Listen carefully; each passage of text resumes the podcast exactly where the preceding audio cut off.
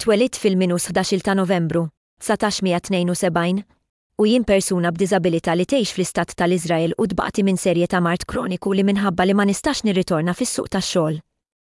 Sfortunatament, l-Istat ta' Iżrael ma joffri l-ebda soluzzjoni raġonevoli għal persuni b'diżabilità f'sitwazzjonijiet ta' akkomodazzjoni.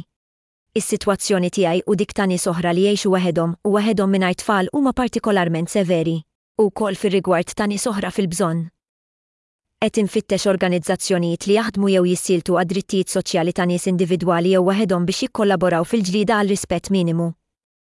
Inkun interessat għaliex kull min jaf dawn l-organizzazzjonijiet ikkuntattja lili.